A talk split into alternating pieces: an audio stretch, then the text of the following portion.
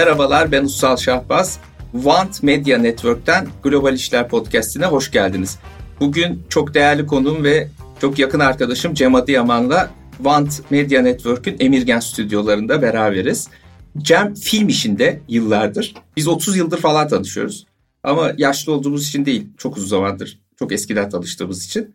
Cem bu film işini İstanbul'da en iyi bilen kişilerden biri. Yönetmen, yapımcı. Biraz eğlence dünyası ve medya dünyası özellikle film dizi sektörü, video sektörü nereye gidiyor onları konuşacağız. Bu konuşmanın içinde Netflix'te olacak, yapay zekada olacak. Güzel bir sohbet olacak. İki sene önce bir yazı yazmıştım. Ve bu yazıda şöyle bir iddiada bulunmuştum. Recep İvedik 5 Türkiye'de sinemada en çok izlenen film olmuştu. Bu arada en çok izlenen ikinci filmde Recep İvedik 4. Ve bundan sonraki Recep İvedik acaba sinemada izlenebilecek mi diye sormuştum. İlginç bir şey oldu. Bir Recep İvedik daha çıktı ondan sonra. O da sinemada oynadı ama ilk ona girememiş. Türkiye'de tüm zamanlarda en çok izlenenler listesinde. Recep İvedik 7 ise sinemada hiç oynamadı. Doğrudan Disney Plus'ta vizyona girdi ve Disney Plus'ta izleniyor. Sinema acaba bitiyor mu? Sinemaya niye gidiyorduk? Niye gitmiyoruz? Hala giden var mı? Giden varsa niye gidiyor? Ve filmleri sinemadan mı izleyeceğiz yoksa işte Netflix'ten, Disney'den, Amazon'dan mı izleyeceğiz? Bu soruyla başlayalım Can. Evet, bence sinema bitmeyecek hiçbir zaman öncelikle. Çünkü aslında böyle bir film izlemenin ötesinde ciddi bir deneyim. Hı.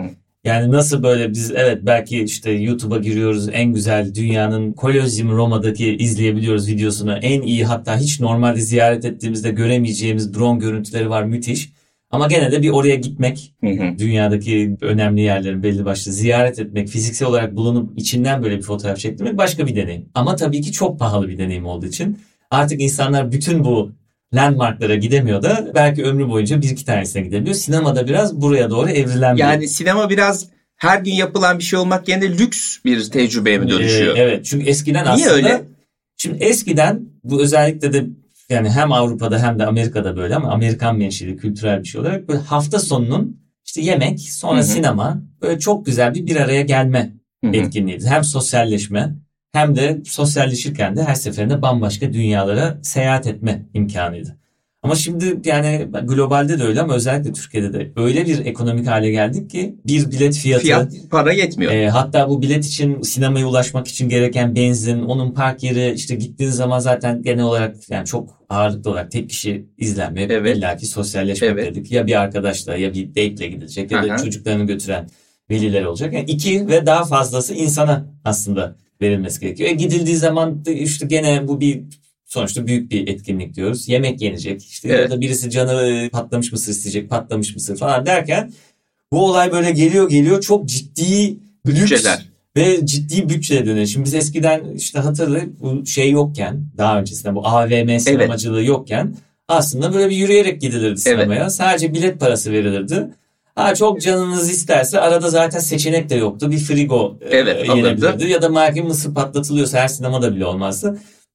Genel olarak bu kadar böyle anormal bir fiyatlama değildi. Çünkü zaten bu arada hakikaten emlak da yani bu kadar pahalı değildi. Aslında sinema bileti fiyatının önemli bir bölümü emlak. Yani evet. kira değil evet. mi? Bir de bence güzel bir şey söyledin. Yani bu sinemaların şehir içinden çıkıp da AVM'lerin içine girmesi aslında sinema bütçelerini çok arttırdı. Bilet fiyatlarını çok evet. arttırdı. E, artı o AVM'nin içine girip çıkmak için de ekstra para gerekiyor. Niye işte otoparka para veriyorsun, oraya girince başka şeylere para veriyorsun. Halbuki öbür türlü evinden çıkıp veya işte bir mağazadan çıkıp çat diye sinemaya gidebiliyordun Tabii. yürüyerek. O da çok büyük bir farka neden oldu. Yani belki mesela sinemaya gitmeyeceği halde önünden geçerken aklına gelen ya bir şöyle bir bu filmi duyuyorum hadi bir girelim izleyelim gibi daha spontane yaşayabilen bile çok oluyordu eskiden. Oluyordu. Şimdi bu bir organizasyon işine evet. dönüştü. Plan gerektiriyor. O ve da maliyeti arttırıyor. E, plan artı ve ciddi bir bütçe gerektiren Peki, bir Şimdi filmler daha ziyade o zaman Netflix'e, Disney'e, Amazon'a, Blue TV'ye kayıyor. Oradan izliyor film izleyicileri. Ama bu da bir yandan acaba bir yalnızlaşmayı getiriyor mu? Çünkü sinemaya gittiğin zaman başkalarıyla beraber izliyorsun. Bu senin arkadaşın da olabilir işte. Ne bileyim işte lisede misede Tabii. millet işte sevgilisiyle falan gider. Öyle de olabilir. Ama bir yanda tanımadığın kişilerle de beraber izleyip onların tepkilerini e, görebiliyorsun. Aslında insanın tabiatında olan bir şey ya başkalarıyla belli bir tecrübeyi paylaştığı zaman o da vücudunda işte endorfin salgılanıyor falan daha iyi hissediyorsun. Şimdi evde tek başına izlediğin zaman aynı tecrübe olmuyor. O zaman sadece filmi izlemiş oluyorsun. Ki izlediğim bile şüpheli. Hı. Çünkü ev her zaman insan en rahat etti. Hı. Kendi kendine yayıldığı. Hı. istediği an filmini durdurup tekrar başlatabildiği, dikkatini dağıtabileceği bir şey. O yüzden asla aynı filmi sinemada izleyen insanla evinde izleyen insan deneyimi, filmden aldığı keyfin aynı olma ihtimali mümkün değil. Değil. Bu belki mesela daha kötü bir deneyim bile olabilir sinema. Yani beğenmeyebilirsiniz evet. filmi. Ama gene de o bir kendi başına baştan sonuna kadar böyle güzel bir deneyimdir. Gitmesi, diğer insanları görmesi, Doğru. diğer ins- beğenmiyorsanız bir sürü 30 kişiyle beraber beğenmemek. Kahve evet. atıyorsanız o aynen evet, dediğim gibi. kişiyle beraber atmak. Onun bir hissi, heyecanı ya da böyle bir, bir başka bir tanıdıkla karşılaşmak bile bu işin bir parçası aslında. Aa sen de mi geldin, ben de geldim, ben beğenmedim, ben beğendim. Bunun bir değerlendirmesini yapmak bile aslında insan evinde yaşayamayacağı çok özel bir deneyim. deneyim. Şimdi bu yavaş yavaş ortadan kalkıyor veya bir lüks haline geliyor diyelim. Evet. O zaman herhalde büyük bir ihtimal sinema salonları ortadan kalkmayacak ama sayıları azalacak. E, daha niş, daha özel günlerde yapılan veya özel filmler için gidilen yerler haline gelecek gibi duruyor. Hem öyle hem de evet biraz aslında özel filmler dediğin kısmı hmm. biraz doğru. Yani bugün şimdi daha mütevazi Recep bir film diyelim. Yani evet mesela Recep İvedik kimden bağımsız ama şimdi evet. film bir yandan aslında çok pahalı bir iş evet. yapılması. Ne olursa olsun. Evet. En böyle basit şeyi bile yapsanız oraya gelen ekip evet. ekibin gelmesi yemeği bir şey derken bir haftalık bir çekim maliyeti çok büyük bir şey. Evet. Sonra da bunun bir araya getirip dağıtılması dağıtımcının da maliyeti evet. çok büyük bir şey. Yani şu anda dijitalleşme... Pahalı bir iş. Evet, Burası bu... dijitalleşemiyor da. Değil mi? Onu da bir konuşalım. Yani filmlerin aktarımında bir dijitalleşme var. Ama filmin çekim e, kısmı gene bir sürü e, çalışan gerektiriyor. Işıkçısı var, işte makyajcısı var, yemek getireni var. Şu yani bir film seti görürsen ki İstanbul'da artık her köşede bir film seti var. Bir sürü adam orada oturuyor. Tabii. Yani kayıt e, Çok aletlerinin hepsi dijitalleşse bile evet. eskiye nazaran daha az ekipman ve daha az maliyeti olsa bile gene de insan gücü her zaman gereken bir şey. Çünkü otomatikleştirilemeyen bir şey. Bir Çünkü zaten otomatikleştiği zaman ki onu da birazdan konuşuruz. Onu da görüyoruz bu platformlarda. Evet. %99 artık otomatikleşen işler evet. ürün olduğu için. Evet diye hep böyle şimdi evet. acaba reklam evet. mı versek evet. diye izleyici Bence or- oradan devam edelim gelmişken. Şimdi filmler zayıfladıkça diyelim benim gördüğüm kadarıyla aslında dizi yani dizi film denen hani 2 saatlik bir film yerine işte 45'er dakikalık bölümlerden oluşan 8, 13 işte sonra başka sezon evet. vesaire dizi filmler yeni bir janr olarak belki ortaya çıktı. Eskiden de tabii diziler vardı evet. ama daha az sayıdaydı. Şimdi özellikle Netflix'in işte bu ilk House of Cards'ta bütün bölümleri birden yükleyip hadi izleyebildiğiniz kadar izleyin demesiyle işte o binge deniyor ona. Oturup hepsini bir günde izliyor bazıları. Bununla beraber dizi işi farklı bir janra haline geldi. Ama dizi işinde de yani kreatif açıdan tabii şöyle sorular var. Biraz onları konuşalım. Acaba dizi işi kullanıcının verdiği tepkilere göre şekillendirilebilecek bir şey mi? Yani çünkü sürekli oradan sen veri alıyorsun. Kim neresinde bıraktı diziyi, neresinde heyecanlandı, daha çok izledi, neresinde tuvalete gitti. Bunları ölçebiliyorsun. Acaba bu verilere göre şekillendirilebilecek bir şey mi? Buna göre iyi dizi yapılabilir mi? Yoksa acaba dizi tamamen kreatif bir süreç ve o diziyi yaratan adamın kafasından çıkan, kullanıcının aslında neyi beğeneceğini bilmediği ama senin onun neyi beğeneceğini bildiğin bir süreç mi? Hangisi bunların daha iyi ve nereye gidiyor? Biraz da onu konuşalım. Ee, yapılamaz. Zaten işte aslında biraz bu çok veri fazlasıyla elimizde olduğu için o yüzden vasatlaşmaya ve sıradanlaşmaya Hı. başlıyor içeriklerin çoğu. Yani bugün aslında her evde olan bir sohbettir. Netflix'in bir şeyin ya da platformun karşısına geçip bu akşam ne izlesek? Eğer Hı. hali hazırda devam eden bir diziniz yoksa böyle milyonlarca içeriğin arasında kaybolan evde evet. Aa, ona mı baksak, onu mu izlesek, bunu mu izlesek? Hiçbir şey tam olarak izlenmeyip birine başlanıp ay bu o kadar sarmadı dur bir de şuna bakalım böyle bir bir hiçlik denizinin evet. ortasında Niye çok böyle? seçeneğimiz. E, e şöyle söyleyeyim mesela şimdi dünyanın belki hani izleyen olur izlemeyen olmaz. Biraz da yaşı da belli edecek bir şey. Şu anda belki olmaz ama mesela en ikonik kült dizilerinden bir tanesi Seinfeld. Evet. Seinfeld yani net yanlış olmasın ama 7 e, sezon, sezon ya da 8 sezon olmuş olması lazım. Böyle Amerika'nın özellikle ikonik dizisiydi. Sonra işte dünyada da yayınlandı. Hatta şimdi milyonlarca lira vererek bir platform onu kendisi aldı. E, hmm. Milyonlarca HBO dolar muydu? vererek. HBO değildi. Değil. Seinfeld. Peki. Seinfeld ama ilk 3 sezonunda 3. sezonunda izlenmeyip bu şu anki böyle hit halini alıp hatta ikinci sezonun sonunda ya bu pek hmm. ilgilenmedi insanlar. Bunu kaldırsak mı yayından diye konuşulan bir dizi. Direkten dönen bir böyle dizi. bir dizi ama şimdi bakıyoruz mesela hiç akla bile gelmez bunun yayından kalkacak. Şimdi, halbuki mesela o zaman bu dataya dayalı hmm. dizicilik yapıyor olsaydık bugün Seinfeld diye bir fenomenimiz hatta pek çok diğer diziler gibi bir fenomenimiz olamayacaktı. Çünkü yapımcı ya da neyse televizyon kanalı onu çat diye 6. bölümde kesecekti. Hemen. Aynen öyle. Bu şimdi birinci dönem. İkincisi bu aslında dizilerin şimdi House of Cards falan dedik ama onların hepsinin önünde çok ciddi bir devrim var. içerik devrimi. O da HBO'nun yaptığı. Evet. O HBO hani belki takip etmeyen izleyici yani şimdi bazı dizilerden dolayı biliyoruz ama esprisi Amerika'da televizyon kanallarının arasında biraz özel bir network olarak kurulan Home Box Office açılımı zaten. Ayrıca para veriyorsun evet, mi? Yani normal siz kablonuzu alıyorsunuz.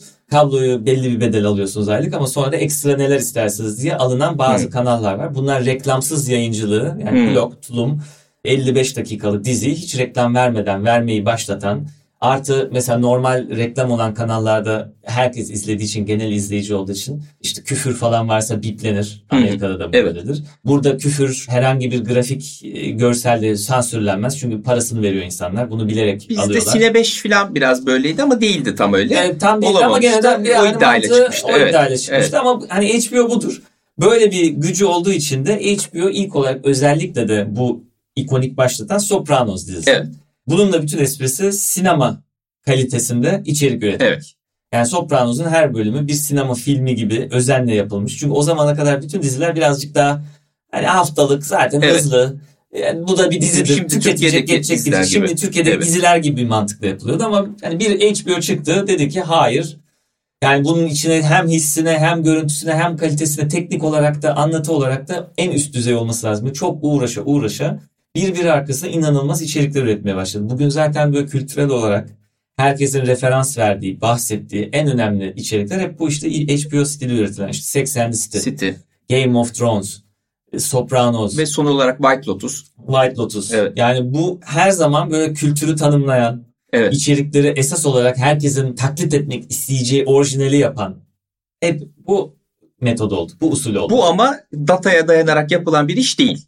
Doğru mu söylüyor? Yani mutlaka tabii datası var, araştırması Hı. var, işte fokus grupları bir şeyleri vardır Hı. ama özünde bu biraz özellikle bir son zamanlarda bu HBO'nun 25 yıllık CEO'su ayrıldı. Ha. HBO satıldıktan sonra bir hani bu sürdürülemez bir durum olduğundan dolayı ama bu öncesinde gerçekten inanca, kültüre, evet. gustoya. Evet, evet. E, Ve kültürü de şekillendiriyor aslında. Evet. Yani şöyle bir süreç var. Burası biraz etkileşimli. Sen kullanıcıdan aldığın veriyle bir şeyler yapabilirsin. Ama o dolgu malzemesi olur ve kültürü şekillendirmez. Halbuki gerçekten kültürü şekillendirme, yön vermek için kendin evet. bir şey yapman gerekiyor. Sonra tabii kullanıcının tepkisine de bakarsın, değerlendirirsin. Ya bu şimdi çok kendini geliştirme kitaplarının klişesi hmm. oldu aslında bu anekdot ama şöyle söyleyeyim. Bu gerçekten Steve Jobs'un evet. zamanında evet. söylediği. Aynı. Yani insanlara ne istediğini sorsaydık bugün e, daha Doğru. hızlı arabalar değil atla çekilen metal arabalara biniyor olurduk hala. Evet. Daha hızlı evet. atlı arabalara biniyor evet. olurduk gibi bir yaklaşım var. Aynen Gerçekten öyle. öyle. Aynen öyle. Yani Aynen bilmesine öyle. zaten yani şu bilmek zorunda da değil insanlar değil. zaten ne istediğini. İnsanlara bu içerik üreticilerinin kendi işi de diyelim ya da bizim yapmamız gereken şey de daha iyi ne olabilir, daha iyi ne sunabiliriz, daha değişik ne olabilir diye itmemiz. Ama şimdi bu platformlarda bu data çok fazla olduğu için ve ister istemez biraz sınırlayıcı olmaya başladığı için. E, Tabii eski bütçeler de kalmadı şimdi. Tabii. Netflix, Disney filan buraya çok fazla para harcadılar. Geçtiğimiz 2-3 sene özellikle. Evet. Şimdi hepsinin hisse değeri düştü, bütçeler kesildi. Biraz daha seçici olup belki aslında böyle kreatif işlere de önerebilirler. O da bir ümit ışığı bence. Ee, evet yani şöyle bir şey çünkü filmcilik çok pahalı olduğu için Hı-hı. bu içeriğin de aslında pahalı olması lazım. Hı-hı. Yani bu kadar böyle aylık ya biz çok ciddi işte 19 dolar verin biz size dünyanın içini vereceğiz diyorsanız evet. Burada bir hata var. Büyüme sürecinde bir şekilde sürdürebilirsiniz ama bu şey demek yani her evde birkaç Netflix olursa ancak siz bu hedefi sürdürebilir evet. ve bu kaliteli içeriği verebilirsiniz. Evet. Aslında matematik tutmuyor. Tutmuyor. Zaten başından bu matematik. Hep zararda. Hem hep zararda hem de bu içeriğin çok uyduruk olmaya başlayacağı genel olarak global evet. yani bu, evet. platform anlamında değil ama bu yani şu hali hazırdaki finansallarla bu büyük bütçeli ve büyük kültür tanımlayan herkesin bir hafta boyunca birbiriyle tartışacağı ne olacak acaba tatil o mu işte ayrılacaklar mı ya da işte Game of Thrones'daki gibi işte Westeros'ta neler olacak diye deli gibi hayran teorilerin havada uçtuğu kültür oradan çıkmıyor. yok. Oradan Çıkamaz. çıkmıyor. Peki şunu soracağım. Sonra da biraz yapay zeka kısmına döneceğiz. Ya Türkiye'de eskiden çok iyi diziler çekiliyordu ya da bilmiyorum bize öyle geliyordu. Ama son yıllarda yani son bir 5-6 yıldır belki 10 yıldır bir yavanlaşma var. Evet. Bunun nedeni ne? Ve Bunun... bu dijital mecralar yani şimdi bizde de Blue TV var işte yabancıların hepsi girdi Disney, Netflix. Burada bir değişikliğe sebep olur mu acaba? Ya bunun çok aslında ana sebeplerinden birisi var. Hı. Birisi de şu ki eskiden şimdi mesela iyi olduğunu izlediğin, hatırladığın dizileri düşünürsen zamanında şimdi herkes anlatıyor. Aa bizim çocukluğumuzda işte ikinci baharlar vardı. vardı. O vardı, konak. Evet.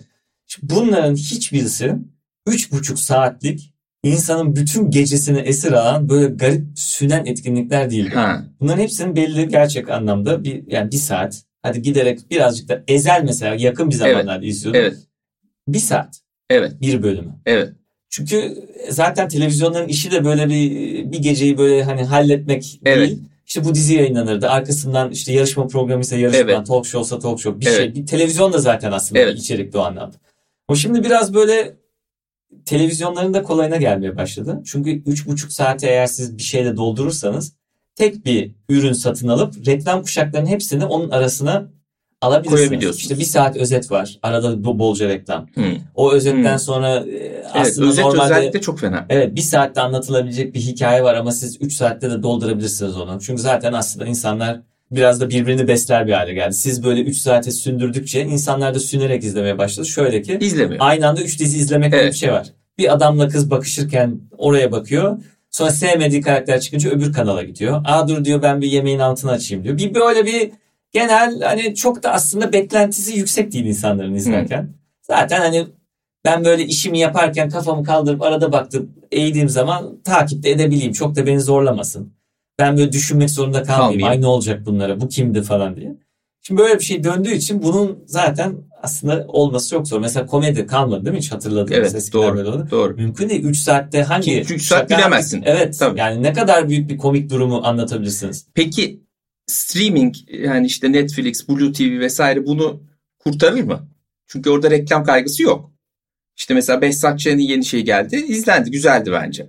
Yani burada bir değişikliği acaba mecranın değişmesi sebep olur mu? Olabiliyor. Hatta şimdi Behzat Ç gibi yani bazı özellikle Türkiye'de yapılan içeriklerde Hakikaten olay oluyor şimdi. Herkes evet. bahsetmiyor. İşte mesela bir, bir başkadır diye bir evet. şey çıktı. Evet. Çok da böyle hani hiç öyle uçan kaçan patlayan şeyler de yoktu. Çok mütevazi evet. bir aslında. Ama evet. iyi bir yazım. Evet. Gerçekten kaleme evet. dayanan. Evet. Eser iyi. E, eser iyi. E, e, öyle olduğu zaman böyle hemen bir, bir de herkese bir şekilde yakalayabileceği gerçek evet, kendinden bir şey bulabiliyor. Da var. Doğru. E o zaman hemen böyle bir başladı insanlara yakalamaya. Hatta yani Türkiye'ye bırakın ben yurt dışında bazı yabancı arkadaşlarımla ya Türkiye'den böyle bir dizi gördük. Çok ilgimizi çekti. Biliyor musunuz? Hmm. izlediniz mi diye. Yani orada bile bir karşılığı şey. olmaya başladı. Bu da ilginç bir şey. Bir de tabii filmde özellikle yerli ya da işte lokal dünyanın dört bir tarafındaki yapımcılara ve yönetmenlere ciddi bir imkan. E çünkü böyle yan yana eskiden şimdi sinema salonunda dediğim gibi yani bir ciddi bir etkinlik olduğu için daha adı sana buyulmuş, daha isim olmuş filmlere insanlar gitmeye tercih edip Hani burada da aslında çok iyi olan yerli bir yapım hep böyle yüzü görünmüyordu ama şimdi Doğru. mesela zaten... Hatta oynamıyordu bile. Yani sinemada yer bulabilmek yer, zordu ama evet. dijital platformda herkes kendine bir yer buluyor. Herkes gösterimde. Şey yok. Orada bir yer evet. sınırı yok. Tabii. Çok herkes güzel. gösterimde. Hani öyle bir avantajı var. Doğru. Bu böyle yapıyor ama tabii burada da şimdi zaman geçtikçe şimdi ilk başta hep aynı şey söylüyoruz. Platformlarda daha özgün ve daha risk alabilen hmm. işler vardı eskiden. Şimdi işte risk almak daha zorlaşıyor. Çünkü para azalıyor. Dolayı. Para azalıyor. E, para azalıp risk almak da zorlaştığı zaman işte gene bir dar boğaza geçmeye başlıyor. Doğru. O zaman belki hep aynı bilinen yazarları, bilinen yönetmenlere gidecekler. O da ikinci, üçüncü eserini o kadar iyi çıkaramayacak. Çünkü birazcık bu Tabii. kreatif işlerde de bir süre sonra durgunluk başlıyor. Böyle sıkıntılar olacak. Peki hiç durmayan ve her zaman aynı şeyi yapabilen yapay zeka. Evet. Yani orada bir insani sıkıntı yok. Evet. Yapay zeka şimdi sen de yapay zeka ile videolar vesaire yapmaya başladın. Burada generatif AI yani evet. belli kalıplardan öğrenen işte video durumunda piyasadaki bütün resimlerden videolardan öğrenen işte chat GPT bu podcast'te konuşmuştuk mevcut evet. yazılardan öğrenen ve oralardaki korelasyonlardan evet. yeni eserler yaratan. Evet. Bunu nasıl bir kere kullanmak mümkün mü? Ne kadar kullanmak mümkün? Ve şunu soracağım. Bu yapay zeka ürünlerini kullanırken insanın rolü ne? Çünkü her şeyi yapay zekaya bırakırsan çıkacak şeyle senin doğru şeyleri sorduğun ya da söylediğin evet. talimatları verdiğin noktada durum farklı oluyor. Onu soracağım. Şimdi daha bu sabah bununla ilgili bir karşılaştırma okuyordum ve bence mükemmel anlatan bir şey olduğu için aynı alıntılayacağım. Yapay zeka inanılmaz bir devrim yapacak tabii ki bu işe. Bunun kullanılması görse. Ama şöyle bir benzerlik var. Şimdi eski usul üretim şekillerinde görsel işte ne bileyim Photoshop'la öyle yaparken bisiklete binmek gibi diyor. Ama yapay zeka üretim atla seyahat etmek gibi. Şimdi bisiklette yüz kontrol sende. Bastığın zaman pedala hızlanıyorsun. Ay çok hızlandım diye istediğin gibi yavaşlıyorsun. Ben artık durayım diyorsan fiziğin el verdiği ölçüde kusursuz bir şekilde durabiliyorsun. Çok hızlı gidiyorsan biraz daha sürüyor ama en azından bilebiliyorsun. Doğru. Sen başladığında başlıyor. Gitmek istediğin yöne mükemmel bir şekilde gidiyor. Ama mesela yapay zekada o yüzden atla gitmek gibi geliyor. Tamamen iki kişinin iletişimi üzerine. Yani mesela sen şimdi bisikletle istersen bir rampadan da atlayabilirsin. Doğru. Kendine zarar verirsin, düşersin ama senin kararın. Ben buradan uçacağım dersin uçarsın. Atla şimdi öyle yapamaz. Atın aklına yatmazsa öyle bir uçurumdan aşağıya atlamaz. Durur kenarında. Sen böyle bir onun dilinden anlamanın biraz odun gibi bir şey. Ama mesela atlarda nedir? Ciddi bir horsepower dediğimiz şey. Ciddi bir güçtür. Doğru düzgün dizgilenebilirse daha güçlü. Evet bir bisikletten daha hızlı gidebileceğinin garantisi var. Öyle bir durum var. O yüzden de bu AI'ın gelişi hı hı. belki hani yaratıcıların yaratıcılığını o anlamda yani işte AI ile yazdırdım ben bunu senaryoyu. Hiç senaryo çıktı diye çıkmayacak. O sıradan olacak. Ama aradaki bazı adımları hızlandıracak, kısaltacağı hı. için işte normalde belki işte dedik setlerde çok insan oluyor, çok adam oluyor. Belki setin kısmını değil ama sonrasındaki post prodüksiyon kısmında bazı işte bugün elle yapılan bir sürü insanın bir araya gelip gece gündüz bilgisayar başında uğraştığı işleri çok azaltacak. İşte orada 20 kişiye 3 ay boyunca para vermek yerine o 20 kişi de daha verimli işlerle uğraşacak. O iş mesela birkaç gün içerisinde Hı-hı. AI yardımıyla yapılabilecek. Aradaki bağlantıları çok iyi kurduğu için şimdiye kadar otomasyona el vermeyen işlerin otomasyonuna izin veriyor. Evet. İzin veriyor ve daha bazen de daha kaliteli oluyor herhalde. Tabii ki. Hı. Tabii ki. Yani işte en basittir. Böyle bir belli bir şey maskeleneceğiz. İşte bir şey çektiniz arkasında bir yazı girdi Hı-hı. ama onun gözükmemesi gerekiyor Hı-hı. filmde. İşte marka olmasın diye. Tek tek birisi maskeler kare kare. İşte kaç saniyesi o kadar saniye boyunca. Buna rotoskop derler. Ve uğraş uğraş kare kare ve bu çok yani el alır. El almak derler. Yani ciddi de bir paradır. Çünkü onu yapan operatörün evet. günlük saatlik parası.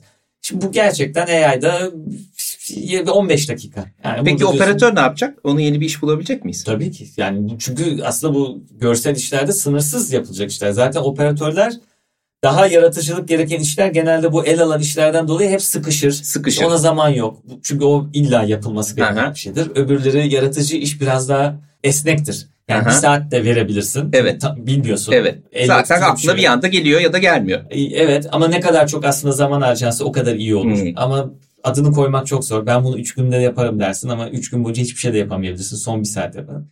Gibi gibi. Diğerleri de aslında bu olacak. Biraz daha e, Peki, yaratıcılık. şu soruyu sorarak bitireceğim. Bunu her konuyla ilgili yapay zeka açıldığında soruyorum. Şimdi e, sen bu noktaya gelirken aslında o aşamaların hepsinden geçtin. Yani o maskları yaptın. Evet. Yani bu işin ameliliğini yaptın. E, sonra da yaratıcı süreçte ilerledin. Şimdi yeni gelen gençler büyük bir ihtimalle bunları yapmayacak. Çünkü gerek yok zaten artık yapay zeka bunu yaptırıyoruz. Acaba bu yani o amelelik kısmı ilerideki yaratıcı süreci besleyen bir şey mi? Yoksa gerçekten bunu yapacak adam bulmadığı için her zaman gençlere mi yaptırılıyor? Ya bu besleyen bir şey şöyle bir şeye gireceğim ama. Bu zaten aslında çok büyük ve geniş böyle bir kavga ve tartışma Hı-hı. konusu biliyorsun. Teknoloji ve gençlerin üzerine etkisi ve genelde teknolojiler şöyle diyor hep işte ya işte yeni nesiller her zaman eski nesile göre daha hatalı oluyor. Eski nesil hiçbir zaman beğeniyor bu böyle bir şey falan. Ama arada şöyle bir fark görüyorum ben. Ben biraz belki daha eski kafalı bir konuda ama her yeni çıkan şey daha iyi anlamına da gelmiyor. Evet. Biraz da dizginlemeyi bilmemiz evet. gerekiyor. Eskiden herkes bilir hatırlar belki yaşı el verenler. Uçaklarda, otobüslerde püfür püfür sigara, sigara içiliyordu. Sonradan bu dendeki hatta sigara reklamları çok güzeldi. Ameliyattan çıkılır sigara yakılırdı falan. Sonra dendi ki arkadaşlar yıllar süren araştırmalar sonucunda anladık ki bu sağlığa çok zararlı. Biz bunu dizginlememiz lazım. Ya da işte ilk bulunduğu zaman çeşitli uyuşturucular aslında şifa gibi bulunuyordu. Ee, Sonra uyuşturucu. Sonra anlaşıldı bunun ciddi bir bağımlılık hı hı. yan etkisi var. ve hatta uzun vadede zarar veriyor. Biz bunu dizginleyelim. İşte ya ilaç ham maddesi olsun ya işte illegal olsun ya da şöyle bir regülasyon olsun gibi. Şimdi teknoloji çok yeni olduğu için özellikle son bir 5-10 yıldır hayatımızda olan sosyal medyalar artı gündemle ilgili. Herkese yenilik gibi geliyor. İşte önünde durmayalım gibi geliyor. Hı hı. Ama biraz aslında uzun vadede etkilerinin çıkacağı bu zamanın işte tütünü, evet, e, uyuşturucusu, evet. e, bilmem neyi gibi görüyorum ben. Şimdi bilmiyoruz. Ama denecek ki 30 yıllık etkisinin sonunda ya 30 yıl sonra işte gençken bu kadar saat bununla uğraşanlar da böyle bir aptallaşmaya yol Oldu. Kreatif süreçler yavaşladı. Evet. O yüzden tamam yeniliklerin önünde durmayalım. Harika. İşte biz de yeni nesiliz. Eskiden de klasik müzik dinliyordu dedelerimiz. Babalarımız rock and roll dinleyince böyle müzik mi olur dedi. Tamam, okey.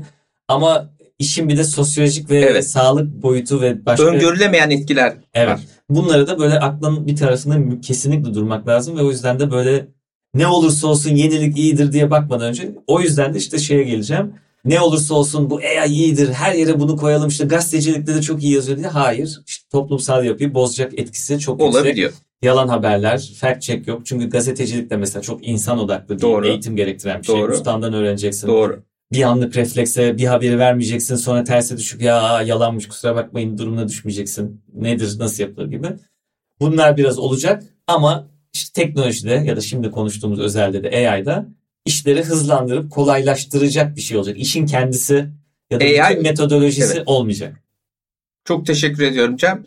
Evet, Değerli dinleyicilerimiz bir podcast bölümümüzün daha sonuna geldik. Global İşler Podcast'ini beğeniyorsanız lütfen dinlediğiniz platformda da Spotify, Apple Podcast nerede dinliyorsanız beğen tuşuna basın.